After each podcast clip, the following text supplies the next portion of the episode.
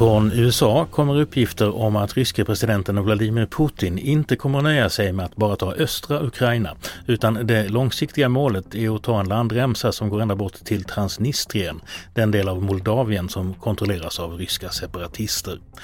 Samtidigt kommer även rapporter om ukrainska framgångar runt storstaden Charkiv i öster. Vår reporter Johan Fredriksson är på plats i Ukraina och berättar om konsekvenserna.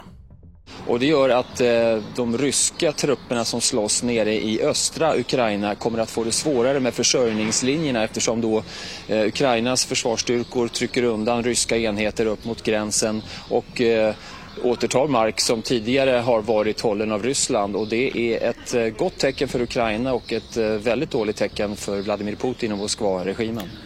Svenskarnas stöd för att gå med i Nato har fortsatt att öka under våren. Sedan några veckor så visar undersökningar att en majoritet av svenska folket är för ett medlemskap. På måndag ska det hållas en extra riksdagsdebatt om NATO-medlemskap enligt SVT. Igår kväll avgjordes den första semifinalen i Eurovision. Som väntat gick storfavoriten Ukraina vidare. I finalen på lördag får vi också bland annat se Island och Norge, medan eh, Danmark röstades bort. Imorgon är det dags för Sverige och Cornelia Jacobs att försöka ta sig till final.